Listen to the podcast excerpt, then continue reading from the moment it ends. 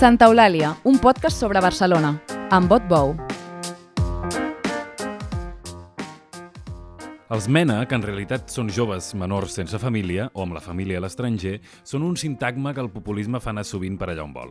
Lluny de rumors i de notícies falses que corren per WhatsApp com la pólvora, avui parlem amb Rita Graner, que dirigeix l'associació Punt de Referència, una de les entitats dedicades a l'acompanyament de joves tutelats i extutelats més importants de Barcelona. Quines opcions tenen aquests joves quan fan 18 anys? En què fallen les administracions? Tot seguit mirarem de respondre-ho a Santa Eulàlia.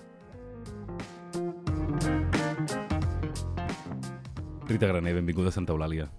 Moltes gràcies. Ens fa molt Ben contents tenir-la aquí.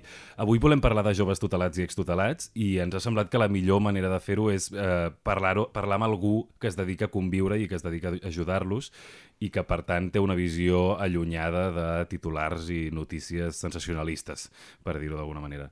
Um, vostè treballa a punt de referència. Exacte. Quina, quina tasca fe, fan a punt de referència? Comencem per aquí. Sí, a Punt de Referència som una associació i és una associació que neix de la ciutadania, de persones que en un moment donat fa 25 anys, una mica més de 25 anys, eh, donen resposta a la crida d'unes noies eh, que surten del sistema de protecció i que expliquen doncs, la soledat amb què vius, viuen el procés de complir els 18 anys, que per nosaltres és un moment molt, molt màgic i molt important. Mm. És a dir, perdó, eh? són noies que eren tutelades fins al moment de fer els 18 anys i en Exacte. el moment de fer els 18 anys es queden desemparades, diguem-ne, sense... Es queden eh, fora d'un sistema que és molt proteccionista. Val? Fins als 18 anys tu tens tot cobert quan estàs en el sistema de protecció. Tens l'administració que, que com, compleix, diguem-ne, la funció de, de pares o mares i, i se'n fa càrrec al 100%. Als 18 anys eh, no et quedes desemparat al 100% perquè a Catalunya hem anat construint tot un sistema d'acompanyament, però sí que perds una protecció absoluta com és la de fins a la, la minoria d'edat, la tutela en la que l'administració és responsable de- d'aquests nois i noies en el moment en què són tutelats. Val? Mm -hmm. Per tant, aquestes noies diuen ara hem de començar a prendre decisions pel nostre compte, perquè som majors d'edat i així se'ns demana, eh, entre elles on anem a viure, no? què fem amb la nostra vida, etc etc. i no tenim cap persona no? en la nostra xarxa de confiança eh, que ens pugui acompanyar en aquest procés. Ho vivim amb molt de soledat. Això és un relat de, de fa 25 anys, no? que encara té força validesa. Uh, per tant, punt de referència uh, neix des d'aquí, des de persones ciutadanes que es, es mobilitzen i diuen nosaltres farem aquest rol.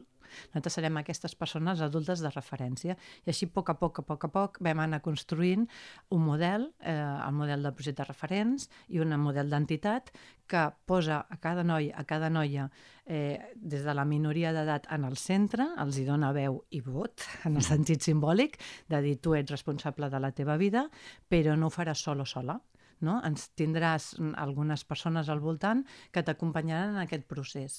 Eh, I per tant és un suport molt, molt emocional i això és el que fem des de punt de referència. No? Estar al costat d'aquests nois i noies i després t'explico des de com ho fem en el costat, no? però estar al seu costat eh, i ajudar-los a construir aquest projecte de futur sense tenir una xarxa familiar en el, el, al seu voltant mm en la transició aquesta cap a la majoria d'edat. Diguem-ne que és un suport eh, emocional i psicològic, però també logístic. Sí. Quines potes té aquest suport logístic? És a dir, quina, un punt de referència, a, a banda d'aquest acompanyament, que, com es concreta el, Clar. el que fa? Nosaltres eh, posem una, un equip educatiu val? Que, que identifica quines són les necessitats de cada noi o cada noia, eh, cadascú doncs, en té diferents, doncs, suporta recerca d'habitatge, suporten els estudis, suporta recerca de feina, eh, suporten temes de salut, eh, bueno, pot haver-hi molts, eh, molts diversos i, i així, no? tot, tot al voltant de la vida de cada persona i des d'aquí doncs, eh, busquem recursos. Nosaltres tenim, tenim uns recursos propis doncs, de pisos, no? uns recursos d'habitatge dins el sistema diguem-ne de majoria d'edat, de l'àrea de suport al jove, pisos assistits fins als 21 anys, que és el que permet el sistema. Eh, tenim un projecte d'acolliment, d'acolliment familiar als 18 anys, no com a minoria sinó com a majoria d'edat, un Mm. acolliment temporal. I després tenim uns mm, pisos com els pisos compartits de joves, no? però amb suport socioeducatiu que permeten allargar eh, el moment aquest d'emancipació absoluta, perquè cap jove als 18 anys s'emancipa, o poquíssims joves a, Que- que- a la perdó, societat. Eh? Què, què vol dir que fins als 21 anys, eh, només, que els pisos assistits només es permeten fins als 21 anys? Bé, de fet, a Catalunya tenim aquest sistema i encara és dels, dels bons que hi ha, és a dir, vam ser molt innovadors a, a la Generalitat en aquest sentit.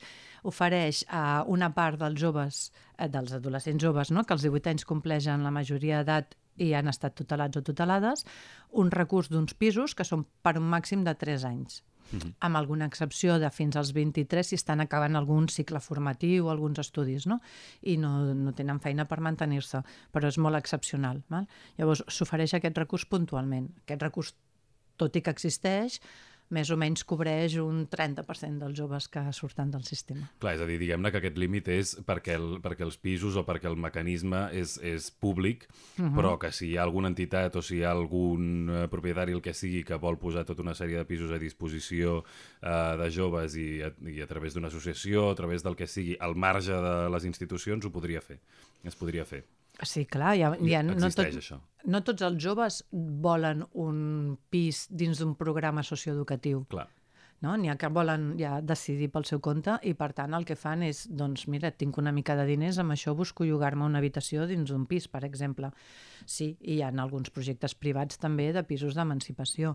El, el tema està en que són nois o noies que, que tenen també força necessitats més enllà de la material d'un lloc on viure, no? Hi ha de, de, de maduresa, no? Hi ha, hi ha històries de vida al darrere per les quals han estat tutelats o tutelades que demanen també de suport i acompanyament. Uh -huh. Per tant, eh, tot i que són joves molt potents, amb moltes habilitats i molt resilients, també necessiten eh, que hi hagi al darrere programes no? de suport eh, en aquesta etapa, perquè han mm. d'anar construint una autonomia per la qual no estan entrenats o entrenades. No?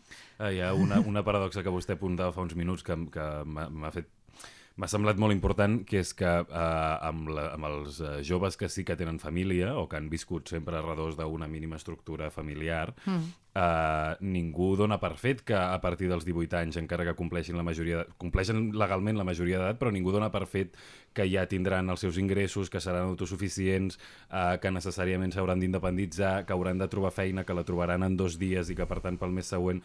No? Això eh, no deixa de ser una, una, un sense sentit.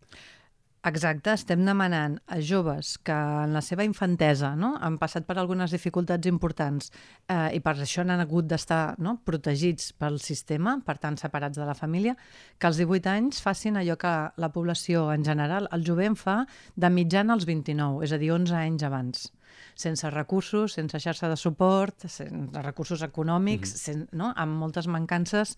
Home, eh, és molt desigual, no? Sí, perquè a més a més en aquests, en aquests casos, encara que la, fins, i, fins i tot tenint en compte que la mitjana d'edat és molt més alta, sí. eh, sempre hi ha una part, vulguis que no, d'acompanyament mm, per part dels pares o per part dels familiars, o que mm, els reis et porten una torradora o una aspiradora o una... Sí, és que és veritat, és un, és un acompanyament que no va només eh, a, a nivell emocional, a nivell psicològic, això que dèiem abans, o a nivell de que saps que si, si et quedes sense pis pots tornar a casa dels pares, sinó que hi ha un, un suport logístic no? i un suport que, que entenc que és el que vostès sí. intenten poden suplir.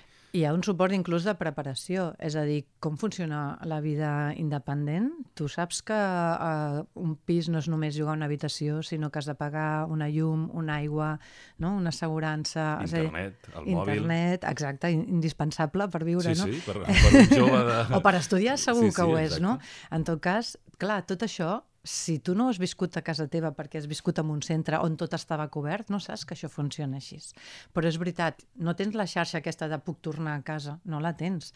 Eh, hi han coses tan òbvies com que a la majoria de... Pot ser que hi hagi una part dels joves, als 21 anys, tenen una feina i un contracte indefinit o és una completa. I amb això avui en dia no sempre et lloguen un pis. Mm -hmm, o no sempre et lloguen una habitació no? Et demanen avals, et demanen... Val? La nòmina Però, dels pares, de La vegades. nòmina dels pares, et demanen un munt de coses que aquest jovent no té. Llavors, o la societat, no? eh, que som la seva família en sentit ampli, o ens en fem càrrec i busquem sistemes i recursos per poder cobrir no? recursos d'habitatge protegit, anem buscant estratègies o aquest jovent... Els mecanismes que, que tinguin a l'abast. Clar, si no, els estem abocant una sensació de sensellerisme mm -hmm. o d'infrahabitatges. No? I des de... Si no tens una llar estable, en el sentit d'una llar confortable, un lloc on puguis eh, estudiar, on puguis estar bé, és molt difícil construir un futur de qualitat. Mm -hmm. Parlem d'això, parlem dels riscos, que ara em volia parlar més endavant, però ja em va bé, que vostè deia, els estem abocant a una situació de sensellarisme o d'infrahabitatge. Sí. Què vol dir infrahabitatge? Quin, quin... Perquè això es, es deu produir, eh, les associacions no poden arribar a tot arreu, perquè les, les institucions de ben segur que no hi arriben, les Mhm. associacions tampoc deuen poder fer tota la feina. Quin, quins, uh, quin, quin, quins són aquests escenaris? Mira, en el, en el recompte de persones sense llar, que es fa cada any, Mhm. el- l'últim gran informe, el 2019, ja es van començar a identificar joves en sino- situació de sensellarisme, no s'havien ni comptat mai, no? I no fet la diferenciació. No, i, i estàvem parlant de joves de, de, de 18 a 25 anys i un 11% de les persones sense llar són joves. Això és dramàtic per una societat. Això en termes quantitatius, què, què vol dir? Quantes desenes o quants centenars vol dir? Clar, el, el recompte de persones sense llar, val, els que s'han identificat a la ciutat de Barcelona eh, només, però ara parlo una mica de memòria, crec que parlàvem d'unes una mica més de 1.000 persones en situació sense llar, doncs, Doncs, mm, eh, 100, 100, 150 sí. joves, no? I actualment, en l'últim de, de l'any passat, es va identificar que d'aquests un 30% que, que, que han crescut, eh, de joves sense llar, i a més a més un 30% surten del sistema de protecció. Què vol dir? Que hi ha joves eh, Perdó, visquent un 30%. Un 30%. Més o menys. Del sistema de protecció institucional. Sí. És a dir, de la Sí, han passat, han passat, han estat tutelats en la seva infantesa, en la seva adolescència. Clar, que són joves que poden estar visquent, no sé, com el cas d'un jove que va venir la setmana passada dins d'un cotxe, eh, poden estar visquent en espais ocupats, en naus, no? totes aquestes que anem veient, o poden estar en, en allò, mm, els pisos patera, és a dir, subcontractat de subcontractat de, de rellogat, no? És a dir, en situacions de molta, molta, molta provisionalitat. Mhm. Clar, sent de tota manera és una xifra molt preocupant, Mm. Però que està molt lluny de les xifres eh, apocalíptiques i tremendistes que donen, que donen de vegades alguns partits polítics o alguns mitjans que parlen de, de més de 500, no? En sense llar, Sí. de més de 500. No sé jo quins recomptes han fet, però és a dir, persones sense llar n'hi ha, ha moltes sí. més, no? Que siguin joves, o sigui, és tremendista que, és, que hi hagin 100, 200 joves, que em sembla que ja ara ja hem arribat, visquen al, al carrer. No? Mm. Perquè, eh, clar, el jovent, en principi, sou el futur de la societat. Eh, per tant, heu de tenir eh, les possibilitats de construir aquest futur, perquè al final és, és la societat amb la que viurem. Si us estem abocant una situació, o els estem abocant una situació de que no puguin tenir un lloc on viure, clar, és que aquest és un principi bàsic. Has de, tothom ha de tenir dret a un lloc on viure. Parlàvem d'uns 100, 150 Sí. eh, joves mm, sense llar. Sí, Eh, a la ciutat de a Barcelona. la ciutat de Barcelona, de, de joves tutelats o extutelats, quants n'hi ha en aquests moments a la ciutat de Barcelona? D'acord. Joves tutelats, que és eh, dels 0 als 18 anys, o sigui, infants, adolescents i joves, Sí. d'acord? Hi ha uns 6.600. Aquesta xifra, com que es va movent, tampoc, les últimes dades són del novembre de l'any passat, no? 6.600 menors tutelats. Um, D'aquests, més o menys, el 30 i escaig són la franja última, 15, 16, 17 anys, d'acord? Llavors, eh, extutelats, és a dir, amb aquest acompanyament per l'administració, mm, des de les 18 anys fins a aquests 21 i un petit percentatge fins als 23, en les dades també del novembre d'aquest any eren arribant als 4.000 Mhm. Val? joves que estan en tot Catalunya, 4.000 i escaig, 4.200, més o menys. Dels els 6.000, Sí. diguem-ne, que, que encara són menors d'edat, Sí. com funcionen les tuteles? Qui les té? Com, Val. com La funcionen? tutela la té la Generalitat, d'acord? Llavors, Sempre? Sí. Si, si, si són tutelats és per l'administració. És a dir, vol dir que eh, s'ha hagut de fer o, o treure'ls de, de la llar familiar, val? Són, són joves que o bé han hagut de ser separats de la llar familiar per causes molt diverses, des de violències, desemparaments, eh, empresonament, eh, etc. o bé s'han quedat en situació d'orfandat, no? Eh, o bé són joves que han migrat sols. D'acord? Són menors que han migra, migrat sols. Vull dir, més o menys així simplificant una mica, no? Hi ha persones, o sigui, hi ha totes les tipologies de violències, etc. Llavors, aquests eh, nois i noies viuen en el que es coneix, coneixen com a centres residencials, els CRAES. Val? Una part petita estan acollits en, en famílies dels menors, eh, en centres residencials i s'han creat alguns equipaments específics pels que són mm, migrants sols, menors migrats sols. Mhm. Val? Que quin percentatge poden ser? Els menors migrats sols en aquest moment a la, a la Dgaia són uns 2.000 i escaig. O sigui, aquests 6.000, o sigui, un 20, Mm, d'acord. 25-28%. Eh, per tant, s'han creat alguns específics. Alguns d'aquests menors estan en centres d'aquests, de residencials, i d'altres estan en el que es coneixen com a o centres d'acollida o, o algun equipament específic doncs, eh, per, per joves migrants que es van crear eh, durant la darrera els darrers dos anys, aquells di- 17, 2017, 2018, 2019, just fins a la pandèmia, que va haver-hi com una arribada important de, de menors migrants. I això fins als 18 anys. Mhm. I a partir dels 18 anys hi ha el que és recursos aquests de, de pisos. O sigui, ja se surt de centres i es passa a pisos. Hi ha alguns pisos que agafen també una mica la transició, però són molt pocs recursos, dels 16 als 21, etc. Llavors hi ha els pisos assistits, val? que són programes d'emancipació. Aquí el, el, el, el suport de l'administració Mm. continua? És prou robust quan, quan s'acaba aquesta, quan s'entra en aquesta fase? A veure, no, prou robust nosaltres mai direm que és prou robust, val? perquè creiem que és insuficient. Primer, quantitativament, és a dir, no hi ha recursos per tot el jovent. Val? Eh, després, perquè hi ha una petita prestació econòmica, que també l'hem de posar en valor perquè existeix i per tant és molt important, és a dir, que els joves per fet de fer d'haver estat protegits tenen una ajuda econòmica de 660 euros al mes. Si han estat més de 3 anys protegits, aquesta ajuda és per 3 anys, per tant fins als 21 anys, i si han estat menys de 3 anys protegits és per un any. Val? Vol dir que aquí ja has d'activar un tema de, de, de recerca de feina molt ràpid entre els 19 i els 21 anys. Que la, que la Generalitat ajuda a activar-lo? Abans hi havia un sistema més potent, ara actualment bàsicament està en mans de les entitats socials. Mm. Val? El sistema de, de, de, de recerca, d'acompanyament a la recerca de feina. Hi ha en alguns programes. Eh? Eh, per tant, hi ha aquests recursos d'ha- d'habitatge i d'ajuda econòmica. Val? Què, què creiem que falten? Falten molt més suports perquè un jove no només necessita això. És a dir, què passa als 21 anys? Als 21 anys ja tindràs capacitat per, per ja estar, ja, ja, ja pots trobar un lloc on viure, ja tindràs una feina, ja tin- ja t'hauràs format, ja t'hauràs qualificat. Massa vegades en aquests nois i noies els hi demanem doncs que això, que als 18-19 anys ja, ja s'insertin professionalment, quan no han tingut temps de formar-se, no? de, de preparar-se, de, de fer una formació professionalitzadora. Per tant, a vegades no els hi donem les mateixes oportunitats, no se'ls està donant les mateixes oportunitats que la resta de jovent, no? de, de poder estudiar, mm, anar mm, fent, estudiant i treballant, etc. Val? Llavors, sobretot on hi ha una mancança per, molt greu és en temes de, de salut, de suport a la salut mental. Val? Uh, és un tema que ha sortit i que darrerament també està als mitjans una mica hem aconseguit fer visible. Uh, suport, eh, mm, falta de suport en termes de salut mental perquè no hi ha prou psicòlegs, per exemple? Perquè el sistema de salut mental és deficitari en general i específicament per joves. I per tant, per, la, per les parts que són ja en general menys ateses per les institucions, això encara es redobla. Encara Clar, més. i perquè el sistema funciona de minoria i de majoria d'edat. Llavors, quan passen d'un centre de minoria a un centre de majors, es trenca.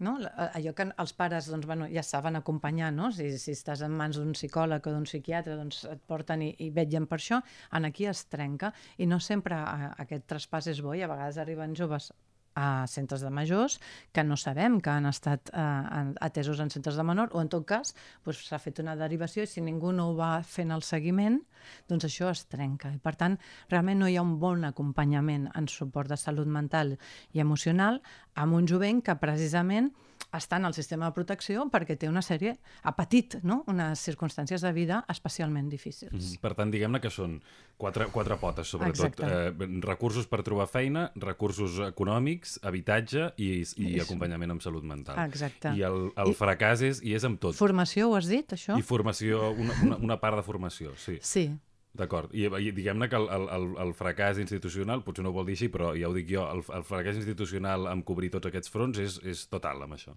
Total, jo no puc dir-ho? Però però, eh, però és insuficient, és a dir, mm. pot millorar pot millorar i s'haurien de posar més recursos, mm. donada la població eh, que hi ha. Vull dir, això són números. Quan vostè deia que fa uns, fa uns anys que la, la cosa ha anat caient més del pes de les, de les entitats i de les associacions, Uh, això ha anat acompanyat també d'un d'un augment de les subvencions o d'un múscul econòmic o realment han quedat deixades de la mà de Déu les entitats i depenen molt del voluntariat i de, uh, i de, i de, i de mm, benefactors mm. privats? Les entitats són molt diverses Llavors, jo et puc explicar una mica. Nosaltres, el que són els recursos que estan, el que se'n diuen cartera de serveis, que són els pisos assistits o centres residencials o aquests equipaments, aquests tenen pel fet de formar part de la cartera de serveis una dotació econòmica directa per plaça ocupada. Val? Aquesta dotació, eh, preu plaça econòmica ara s'està revisant perquè portava més de 11 anys sense revisar-se el preu i, i és evident que, el cos, que els costos de vida han pujat i el que no ha pujat gaire tampoc és el salari dels educadors, mm. que, que necessitem encara millorar eh, els recursos econòmics. Ara, per exemple, en punt de referència tenim els nostres projectes propis, és a dir, projectes de mentoria, el projecte referents, o l'Atenea que suporta l'èxit educatiu, o l'acolliment familiar, són projectes propis. Això mm, hem d'anar a convocatòria anual de subvencions i aquí les dotacions no es revisen tant, no? i aquí és una feina dura i feixuga, tot i que són projectes estables, cada any, cada any, cada any hem d'anar buscant els recursos econòmics. Mm -hmm. Per tant, mai no saps què podràs fer i què no podràs fer uh, quan comences l'any. No? Per tant, aquí sí que és veritat que les entitats patim molt. Mm -hmm. Parlava ara de l'acollida la, de familiar. Uh -huh. uh, aquí de vegades sempre ens hem vantat o molt, molta, moltes vegades ens vantem de tenir una cultura forta d'acollida en aquest país i en aquesta ciutat. Vostè diria mm. que la tenim? Clar, uh, és molt difícil aquesta pregunta. És a dir, sí que hi ha, una, un, hi ha un sentiment d'acollida, i és cert, no? El que passa que és molt difícil que aquest sentiment de jo em sento no? que sóc acollidora, que sóc una persona oberta i tal, es tradueixi després en fets concrets. Mm. Val? Llavors, uh, tot i que nosaltres, per exemple, eh, portem 25 anys mobilitzant voluntariat, uh, uh, referents i, i en acolliment, uh, cada any ens costa més mobilitzar voluntariat. I aquest últim any ha sigut dramàtic. Eh, costa que la gent s'impliqui, perquè al final, tot i que hem fins i tot avaluat que per una persona voluntària aprens molt del procés, i ho tenim avaluat, i millores en habilitats relacionals, en coneixement, etc. Um, dones molt de tu. Has de, nosaltres demanem unes dedicacions altes. Um, d'estar al costat d'una persona jove. Llavors, aquesta dedicació, aquest, uh, eh, bueno, posar-te al costat d'una persona i anar acompanyant en el dia a dia, doncs costa, costa bastant. És a dir, que en sentit genèric som acollidors, però després, en l'1 a 1, doncs, bueno, sí que hi ha persones, no? però mm, podríem fer molt més. Bé, perquè són joves, com tots els joves amb els seus problemes, probablement amb una motxilla encara més carregada de problemes per, eh, o per l'abandonament o per les dificultats que han hagut de passar o pel que sigui, i per tant l'acompanyament requereix un compromís eh, una mica més elevat que no pas eh, de, de, de purament neteja de consciència. Clar, no és el mateix que anar a fer una recollida d'aliments a la porta d'un supermercat, per posar un exemple d'extrem a extrem, no? Mm. No, no, aquí t'estàs implicant, nosaltres demanem un compromís de, de 10 mesos, un parell d'hores a la setmana, d'estar al costat d'uns joves que en realitat eh, va, hem parlat de mancances, però tenen molt de potencialitat. Són joves, mm. val? i com a joves tenen molta, moltes potencialitats és molt... Um, canvia molt una persona jove en funció de la mirada de les persones que estan al costat. I la nostra mirada com a societat d'acollida condiciona molt el futur d'aquests nois i noies. Per tant, en el moment en què nosaltres els diem a una persona, a un, a un noi i una noia joves, crec en tu, no? Uh, te'n pots en sortir, estic al teu costat i vinga, som-hi, quan tu li dones aquest missatge, aquest noi i aquesta noia és que es creix, no?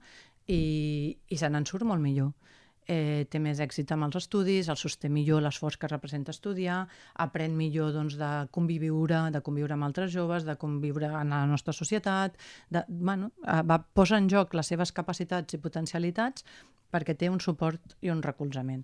Aquest és el compromís que demanem a la ciutadania, oferir aquest suport i aquest recolzament, però és que aquest suport i aquest recolzament està transformant la vida pròpia i d'aquests nois i noies. Mm -hmm. no? I d'alguna manera una idea que de vegades és, eh, potser no passa pel cap de molta gent, però és que a partir dels 18 anys mm, també hi ha, hi ha joves que necessiten acollida, no? I també Clar. hi ha joves que necessiten famílies que s'hi involucrin. Sí, perquè nosaltres tenim aquest programa que és, que és molt especial, ja fa 20 anys que el, que el fem i ara n'hi ha alguns més també amb, amb persones refugiades d'acolliment de, de persones majors d'edat, perquè no és normal, però és cert que per un jove, i, i, i ahir en parlàvem amb, amb un, eh, ostres, poder sortir d'un centre, d'un espai institucionalitzat i tornar a viure en una llar, no és el mateix que, que seguir amb espais institucionalitzats, perquè al final un pis assistit o un pis amb suport socioeducatiu ho segueix sent tot i que en la llar hi hagi el nostre equip educatiu al darrere i que acompanyi en el jove, que acompanyi a la família acollidora, etc. Però clar, no és el mateix viure en un entorn d'una llar durant uns mesos ni que sigui, no? Recuperes una sèrie d'habilitats del quotidià, eh, tens un espai doncs, de, de conversa relacional, de, per, a, amb un grup familiar que després formarà part de la teva xarxa ja per, si funciona, i normalment funciona, ja per sempre més, no? Uh -huh. O sigui, vas, vas creixent la, la xarxa de suport que tens al, al voltant. Llavors, aquest acolliment, com a, a majors d'edat, pensem que també és una molt bona aposta de ciutadania. Uh -huh. En, aquest, en aquesta ciutat, a banda del, de la percepció estesa que som molt acollidors, eh, als últims anys també s'ha estès un relat una mica acusador uh, sobre la delinqüència dels menes, que en realitat menes no deixen de ser mm, joves tutelats, el que passa és que potser amb, el, amb, el, amb les sigles uh, és més, és més uh, cridaner pels titulars, no? Però uh, sobre la delinqüència, per exemple, hi ha, hi ha un grup municipal que és Valents i hi ha una llista que es presenta a les eleccions de l'any vinent que és Vox, que fan uh, molta, que són molt incisius amb aquesta qüestió Uh, fa, fa uns mesos mm, van, van dif difondre, o es va, es va difondre una, una mentida que era que el, el més del 80% dels delictes que es cometien a Barcelona els cometien joves tutelats o extutelats. Els Mossos mateix van, van sortir, amb un, van fer un informe express i van sortir a desmentir eh, que això fos veritat. Um, però m'agradaria parlar una mica i de reflexionar una mica, no només sobre aquest relat, sinó sobre, sobre com el no acompanyament mm, sí que t'aboca de vegades a la delinqüència, no? El no tenir eh, recursos i oportunitats Mm. Pot ser que en algun moment t'aboqui a la desesperació. Per això és tan important oferir recursos i oportunitats en, a, en el jove i transmetre's la, la convicció de que, de que hi creus i que per tant doncs, els hi dones a, a això. Uh, és evident que, bueno, que l'extrema dreta utilitza les pors diverses no? per, uh, perquè d'això en treu rèdit i benefici. Eh, inclús ahir nosaltres ens vam molestar una mica amb un reportatge que feien a TV3 d'un programa de Mossos a Manresa de crear una figura d'un referent, etc, perquè, perquè el relat era des de, des de la delinqüència quan en realitat aquesta figura del referent l'estem oferint nosaltres des de, no? des de persones alguns poden ser Mossos, no ho diem, no? però persones de tots els entorns professionals possibles i en canvi això el que fa és transformar el transformar en positiu perquè si tu coneixes a una persona jove, canvies el discurs. Li treus les etiquetes i estàs parlant de a la Fàdua o l'Ismael o el que sigui, no? Llavors, eh, trenques aquests estereotips en aquesta relació d'un a un. I, i, i veu, i a més a més, no, ajudes en el jove a a, a trobar aquestes oportunitats que necessita. Mm -hmm. És a dir, els Mossos també fan els, els seus programes de vegades, però és, són, són molt centrats en aquesta cosa gairebé evangelitzadora de, de, de, de treure'ls el delinqüent que porten a dins. No, no ho sé, ahir vaig veure-ho, eh? vull dir I que això és una, és una anècdota, eh, però en tot cas sí que penses ostres, per què hem de seguir identificant aquests joves amb etiquetes d'aquest tipus? Per nosaltres són joves, -hmm. Són joves que busquen oportunitats a la vida i busquen construir el seu futur. I, i si han hagut d'emigrar per fer-ho, com a menors d'edat, ostres, això és molt difícil. Mm. Ser capaços de fer, depèn de quins itineraris de migració, i deixar casa teva és molt, molt, molt, molt difícil. Per tant, si han superat això, vol dir que joves que tenen molt de potencial. Posem-nos-hi al costat no? i construïm a partir d'aquí i, el, i, i elaborem un projecte ciutadà que sigui més divers i més plural, sumant diferents maneres de, de fer, però també a, aprofitant doncs, tot el que poden tenir per aportar. Mm -hmm. Què els demanaria sobre aquesta qüestió eh, per, per ajudar més els joves tutelats i extutelats en els candidats de l'Ajuntament de Barcelona de les eleccions de l'any vinent? Què els hi demanaria en els seus programes, en les seves polítiques? Home, la primera és una política d'habitatge social eh, jove que no només serviria pels nostres, no serviria per tots els joves i que penso que es necessita molt a la ciutat. Per tant, des d'aquí, la primera de totes és una, és una política d'habitatge. Nosaltres, per exemple, eh, tenim un programa que fins i tot ara incorpora, bueno, no? hem aconseguit obrir habitatge cooperatiu per, per joves. Eh, crec que això ja és un èxit de ciutadania i, per tant, doncs, crec que és una política que tant de bo eh, se li doni continuïtat. No? Mm -hmm. I en segon lloc, ofertes de, o sigui, possibilitats eh, econòmiques és a dir, mantenir-te econòmicament. Ho dic des del sentit de que pot ser treballant, pot ser en programes com la formació, l'FP Dual, per exemple, no? que et pots formar i treballar, no? I, i, i això et permet sostenir-te. És a dir, nosaltres no som favorables de crear prestacions. Per, en alguns casos es necessiten, i al principi explicava no? que hi ha una prestació econòmica, però també sabem que aquests joves saben que, que se n'han d'en sortir pels seus propis mitjans i per tant, com abans els hi donem la possibilitat d'acostar-se en el mercat laboral, però podem fer-ho també com es fa en molts països nòrdics, que els joves universitaris tenen uns llocs de treball parcials mentre tenen unes ajudes econòmiques als estudis i poden compaginar les dues coses i es poden emancipar. Doncs per què no podem fer això aquí? Mm -hmm. doncs Rita Graner, fins aquí la conversa. Moltíssimes gràcies, ha estat un plaer xerrar. Gràcies calma. a vosaltres per l'oportunitat.